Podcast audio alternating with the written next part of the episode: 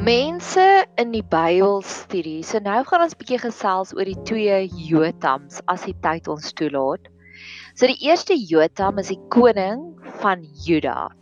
So op 'n stadium die koning van Juda, net om daai geskiedenis vir jou mooi in te kleer, Dawid was hy was koning. Eers was Saul koning, toe was hy 'n slegte koning, toe word Dawid gesalf en toe is Dawid se bloedlyn is toe nou die koninklike bloedlyn.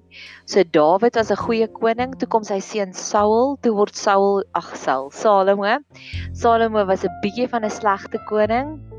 So hy het toe God gekom want hy het afvallig geraak, al sy vrouens het hom verlei en toe net so op daai punt, daar's sekere mense wat beweer dat 'n vrou is die geestelike leier van die huis. As jy gaan kyk na uh, hoeveel vrouens het al het mans verlei om weg te gaan van God af, is daar baie mense wat beweer dat vrouens die geestelike leier van die huis is. Dis net so kant nota ek sê nie ek glo daarin nie, maar ja.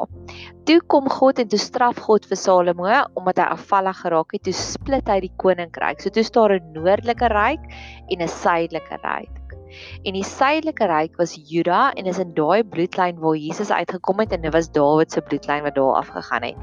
En hulle het 13 goeie konings gehad en 'n paar slegtes, maar die noordelike ryk wat die Bybel van praat is die Israel, hulle het net 'n klomp slegte konings gehad. So dit is waar Agab was. Agab se vrou was Jezebel. Baie mense weet van haar en hoe sleg sy was. Dis teen haar wat Elia opgestaan het en al die 40 Baal profete uitgedaag het en vuur van die hemel afgebid het nadat hy die altaar so nat gemaak het. So dis alles die noordelike ryk. So ons gaan nou praat van een van die konings en sy naam was Jotam en hy was 'n goeie koning van Juda gewees. En wat interessant is, is dis die enigste keer in geskiedenis waar daar so geslag op geslag op geslag op geslag 'n goeie koning was. Gewoonlik is daar een goeie koning, een slegte koning, een goeie koning, een slegte koning. So as jy gaan kyk, Jotam se pappa was Usia. Usia was 'n goeie koning. Jotam se oupa was Amasia en Amasia was 'n goeie koning. Jotam se oupa grootjie was Joas en dit was die jong koning wat deur die priester gelei was en deur die priester weggevat was sodat sy ouma grootjie hom nie kon doodmaak nie en hy was ook 'n goeie koning. So dit was die vierde geslag van goeie konings. Maar wat interessant is en dit dit laat my nogals wonder Jotam was 'n goeie koning, maar sy seun Agas was nou weer 'n slegte koning. So ek wonder wat het Jotam verkeerd gedoen dat sy seun toe nou weer 'n slegte koning geword het. Of dalk is dit 'n ding, ek het al gehoor wat hulle sê is rykdom en welvaart hou net vier geslagte. Want hulle sê want die eerste geslag werk so hard want hulle wil nie in die armoede groot word waarin hulle waarin hulle groot geword. Hulle wil nie hulle kinders groot word nie. En dan hulle tweede geslag is dan ook 'n doen ook goed en dan die derde geslag doen baie goed en dan die vierde geslag dan word hulle weer arm. So dis nogals interessant. Dalk is dit net so iets verstaan van as dit te goed gaan oral dan eventually raak mense afvallig en dis juis in die moeilike tye wat ons regtig word intens na God begin navors en hom begin soek en hom begin roep soos nou juis nou in die grendelgreep. So dis maar net so kant nota ons kan lank daaroor filosofeer van hoekom het dit opgehou? Hoekom was Agas nou 'n ewe skielike slegte koning? En daar's twee dinge van Jotam wat regtig waar uitgestaan het. Drie dinge eintlik. Die eerste ding is hy was 'n bouer, Die tweede ding is hy het baie uit die land baie ryk gemaak en dalk was dit hoekom sy seun 'n slegte koning geword het. En die derde ding is hy het by sy pa geleer. So sy pa, eerste van alles, ek wil eers daai storie vertel. Sy pa Osia het regtig waar hy 'n goeie ryk gehad. Dit het goed gegaan met hom. En toe op 'n stadium toe hierdie pappa Osia het toe gesien maar hy wil toe nou alles doen. Hy wil alles gewees het in die in die in die land. Hy so was nie goed genoeg vir hom net om 'n koning te wees nie. En toe op 'n stadium het het sy pappa, het koning Jotam se pappa Osia het ingegaan in die tempel in en hy het begin priester speel en toe straf God om hom te kry melaatsheid en toe sy in isolasie. En wat interessant was is dit was vir God so opmerklik dat dit was gedokumenteer dat hierdie die seun Jotam het nooit self in die tempel ingegaan en die tempeldienste gedoen nie. Dit het vir God so uitgestaan dat hy geleer het van sy pa se foute. En dis die eerste seëning en gebed wat ek oor my en oor jou wil uitspreek. Mag ons die wysheid bekom om te leer vanuit ander mense se foute, om te sien dit is wat daardie een verkeerd gedoen het en ek wil nie daar daarin val nie. Mag ons daardie wysheid bekom om te leer wat ander mense verkeerd doen en dat ons dieselfde doen.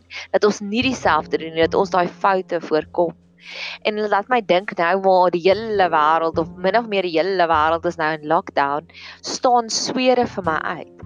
Bes, weet jy dat swere is nog glad nie in 'n grendelgreep nie? Inteendeel, hulle rebelleer daarteen. Hulle sê dis baie gesonder vir die mense net om aan te gaan normaalweg. En hulle doodstatistieke is baie laer van die virus af. So Halleluja, well done Swede, want julle het geleer by die res van die wêreld se foute.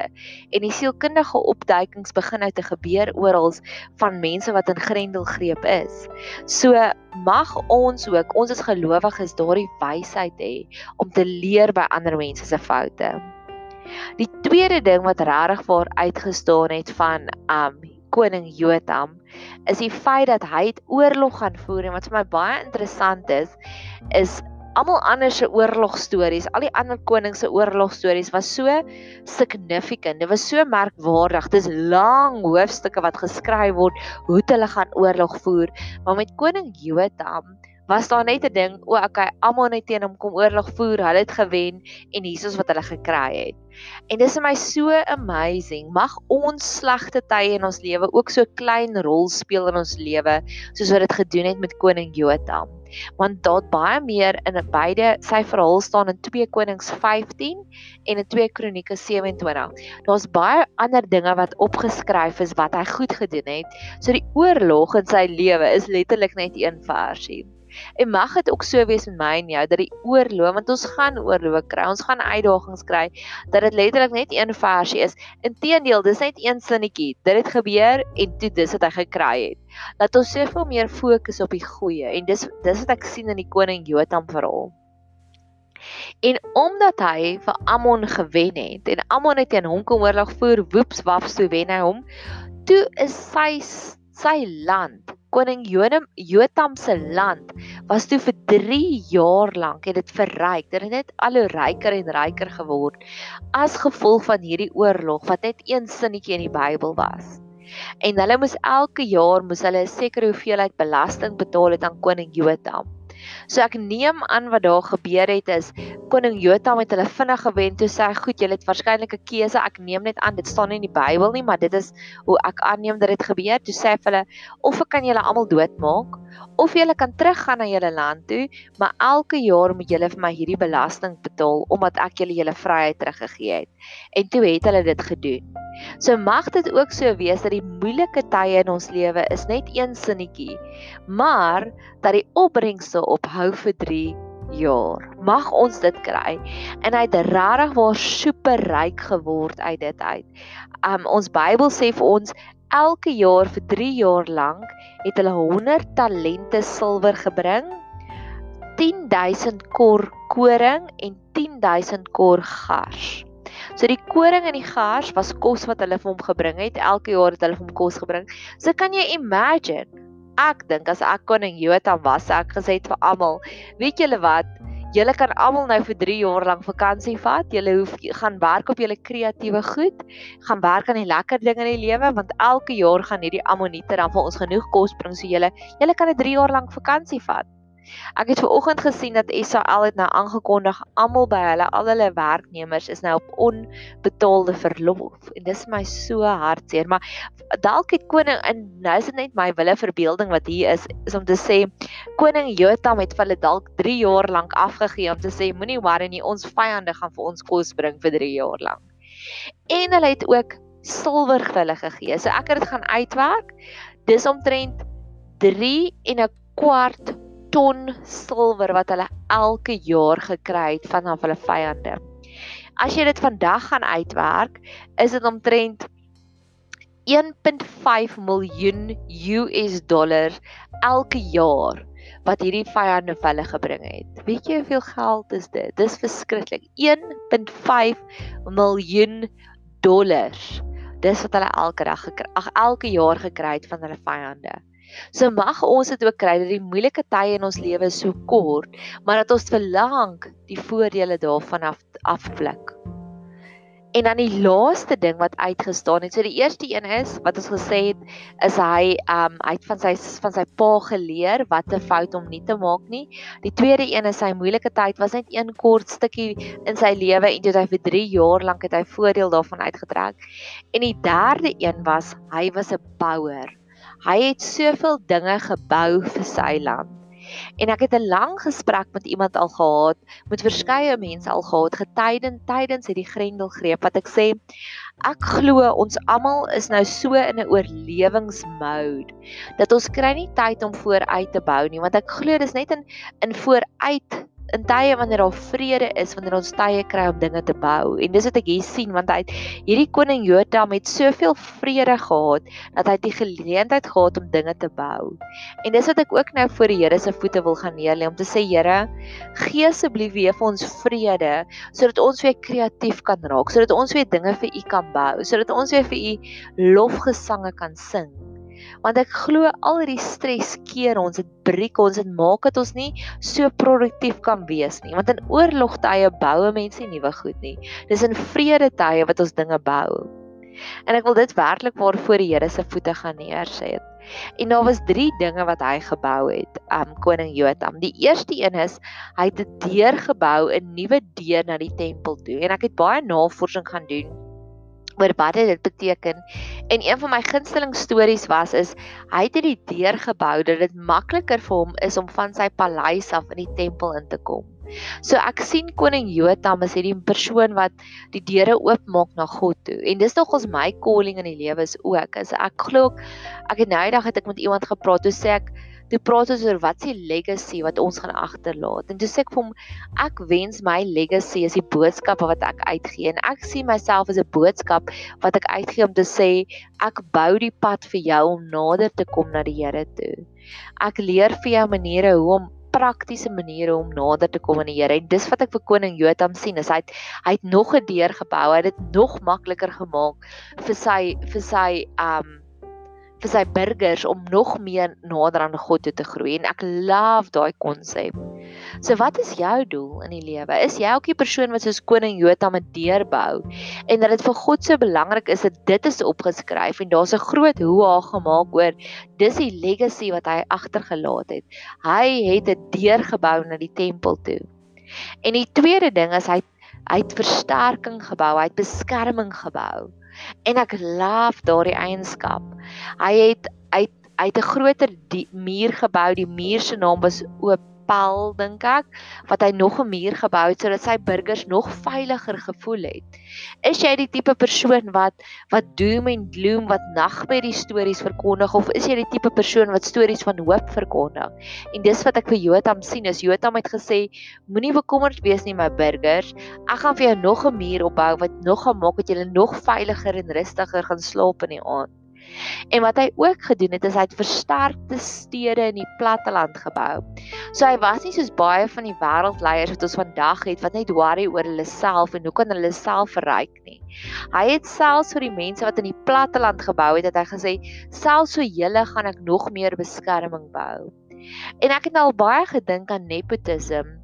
Is ons almal nie maar besig met nepotisme nie?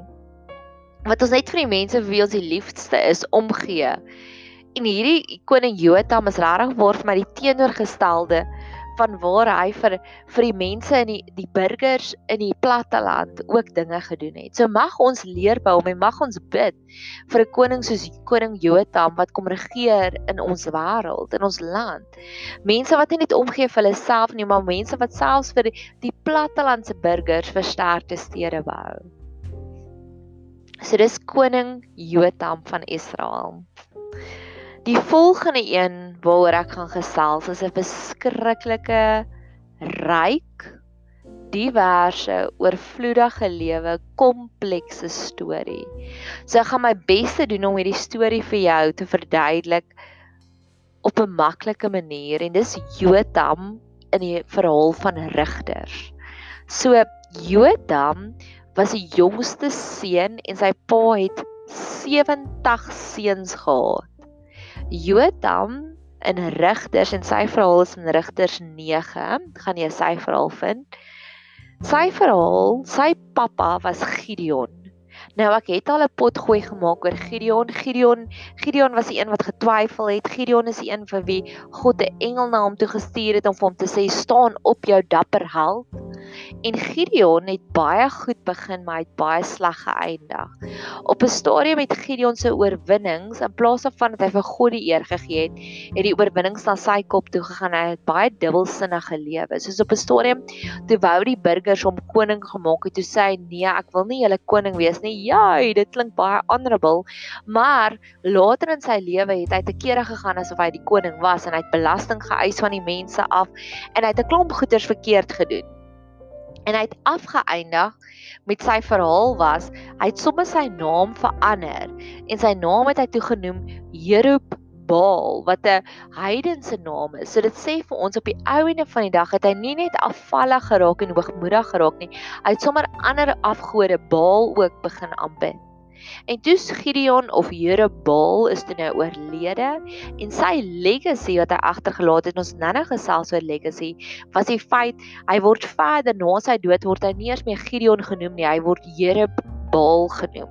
So hy word onthou vir hierdie persoon wat Baal aanbid het, wat wat die heidene aanbid het, wat die afgode aanbid het. En dis vir my so hartseer want hy het so goed begin en hy het soveel oorwinnings gehad met die Here, maar sy legacy wat hy agtergelaat het was hierdie ou het afgode aanbid.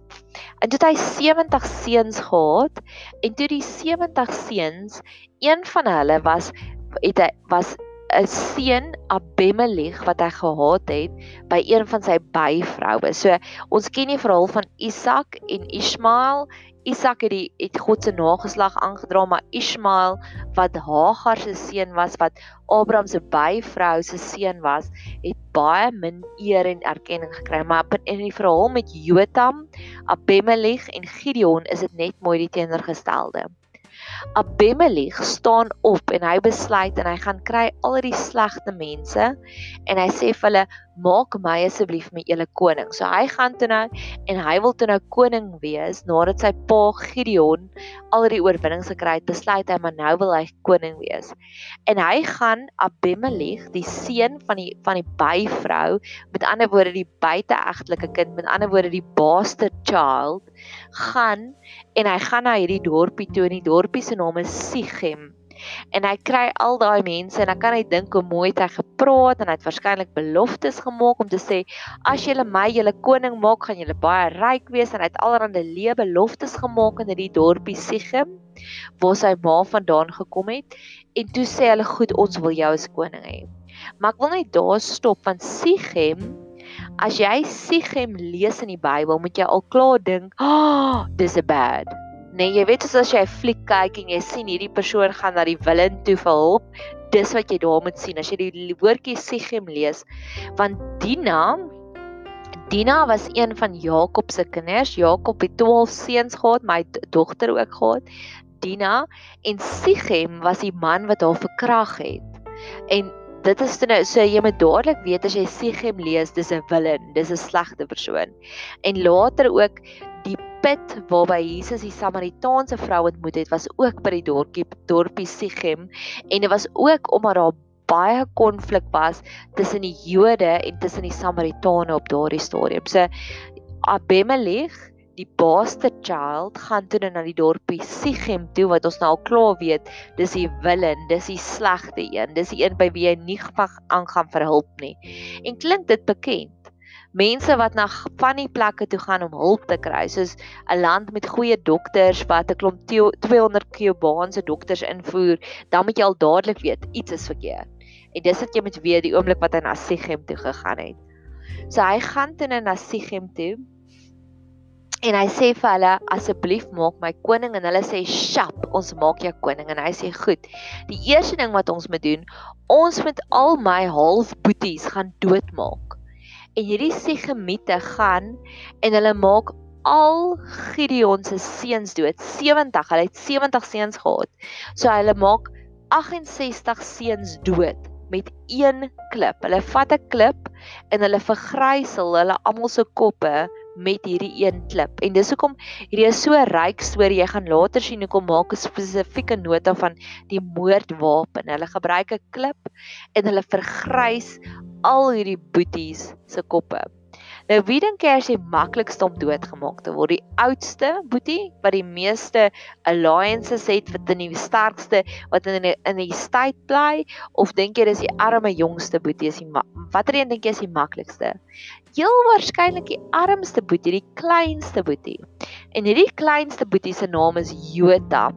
En Jotam is die enigste een wat hierdie genocide van die 70 broers vrygespring het. Jotam was die jongste boetie van die jongste steen van Gideon en hy gaan kruip iewers weg en Abimelech kry nie hom nie. So al 68 broers is nou doodgemaak met een klip. Ek meen dis al klaar 'n far-fetched storie. As Hollywood weet van hierdie storie sal hulle fliek maak net tot en met hier om te sê een boetie staan op en maak almal dood met 'n klip. En Jotam ontsnap toe nou en Jotam ontsnap en hy gaan hardloop bo op 'n berg en die berg se naam is Gerizim. Nou as jy nou gou-gou 'n bietjie gaan teruggaan in die Ou Testament heel in die begin met die Egiptenaar met die Israeliete wat gereis het deur die wildernis, daar sê die significant oomblik. Daar's 'n groot oomblik tydens hulle in die wildernisreis. En ons almal ken die skrifgeleerde eh, skrifgedeelte wat sê God sê vir jou kies lewe of dood, maar kies asseblief lewe. Nou die die ek sê baie kere God hou van 'n tipe van 'n gorilla theater. So hy wys dit vir hulle uit en hy sê vir hulle vir die helfte van die Israeliete sê hy gaan staan julle bo op hierdie berg en hierdie berg se naam is Ebal en hy sê vir die ander helfte gaan staan julle oor op hierdie berg Gerizim. En in Gerizim op daai berg as jy gaan kyk in Deuteronomium 28 of 27, ek is nie seker watter een nie, is daar al hierdie lang lys, seën 28, seëninge en vervloekinge.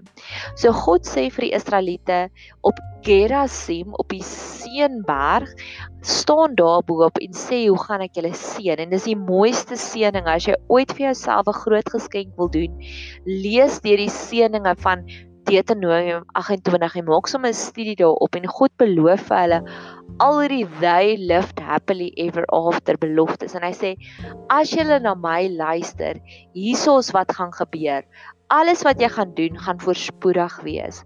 Jy gaan rykdom hê. Jy gaan 'n lang gesonde lewe hê. Jou kinders gaan geseënd wees. Alles gaan net they lived happily ever after wees. Alles gaan net sonskyn, reënboë en unicorns wees. Alles gaan net mooi wees. Alles gaan net lekker wees. Jy gaan 'n 5-ster hotel lewe hê as jy na my volg. Maar op die berg Ebal staan al die ander en hulle sê as jy en God sê as jy my nie gaan volg nie, as jy jou rug op my gaan draai, hierdie is die vloeke wat gaan gebeur en jy gaan siektes hê en jy gaan armoede hê en jy gaan oorlog op oorlog hê en jy gaan pestilensie op pestilensie hê en dis hierdie gorilla theater wat God vir hulle sê, watter een kies jy? En hy sê dit nie aan 'n bang maak speech nie. Hy sê vir hulle, hy leef dit uit. Hy gee vir hulle gorilla theater en sê kies elke dag wyslik. Kies elke dag my want dis wat ek vir jou beloof. Maar hierdie is die ander kant. En hierdie groot gorilla theater speech oomblik. Ek kan onthou, pause gaga daar. Jare terug het ek die wonderlike voorreg gehad om in Amerika Cirque du Soleil te kyk.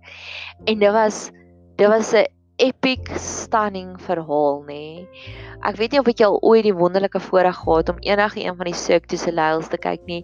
Dis net musiek. Daar dis 'n sirkus sonder enige diere en is net musiek, maar deur musiek en deur die kunswerke lewe jy jouself so in jy voel die emosies wat hulle probeer uitbeeld. En ek kan nou nog my oë toemaak en presies onthou hoe emosioneel was ek in daai oomblik want daardie gehoor daardie drama stuk, daardie sirkus het hierdie het hierdie wonderlike gawe gehad om my in te sluk en my deel te maak daarvan. En dis maar net 'n voorsmaakie van wat die Here gedoen het. Die Here het op daai dag vir hulle gesê, dis hoe dit voel in Cirque du Soleil as ek nou daai voorbeeld kan vat. En mag die Here sommer daagliks in my en vir jou ook sulke lekker goeie gorilla veter kry. So, hoekom ek hierdie hele lang storie vertel is daar's hierdie twee bergreekse in Israel. En hierdie boetie Jotam hardloop bo op die seëningsberg Gerizim en hy gaan skree hierdie wonderlike gelykenis. Maar ongelukkig op hierdie stadium laat my die kanaal wat ek gebruik Anchor laat net vir my toe om 'n halfuur op 'n slag op te neem. So ek gaan hom hierso pause en dan gaan ek aangaan met die Jotam verhaal in die volgende podcast.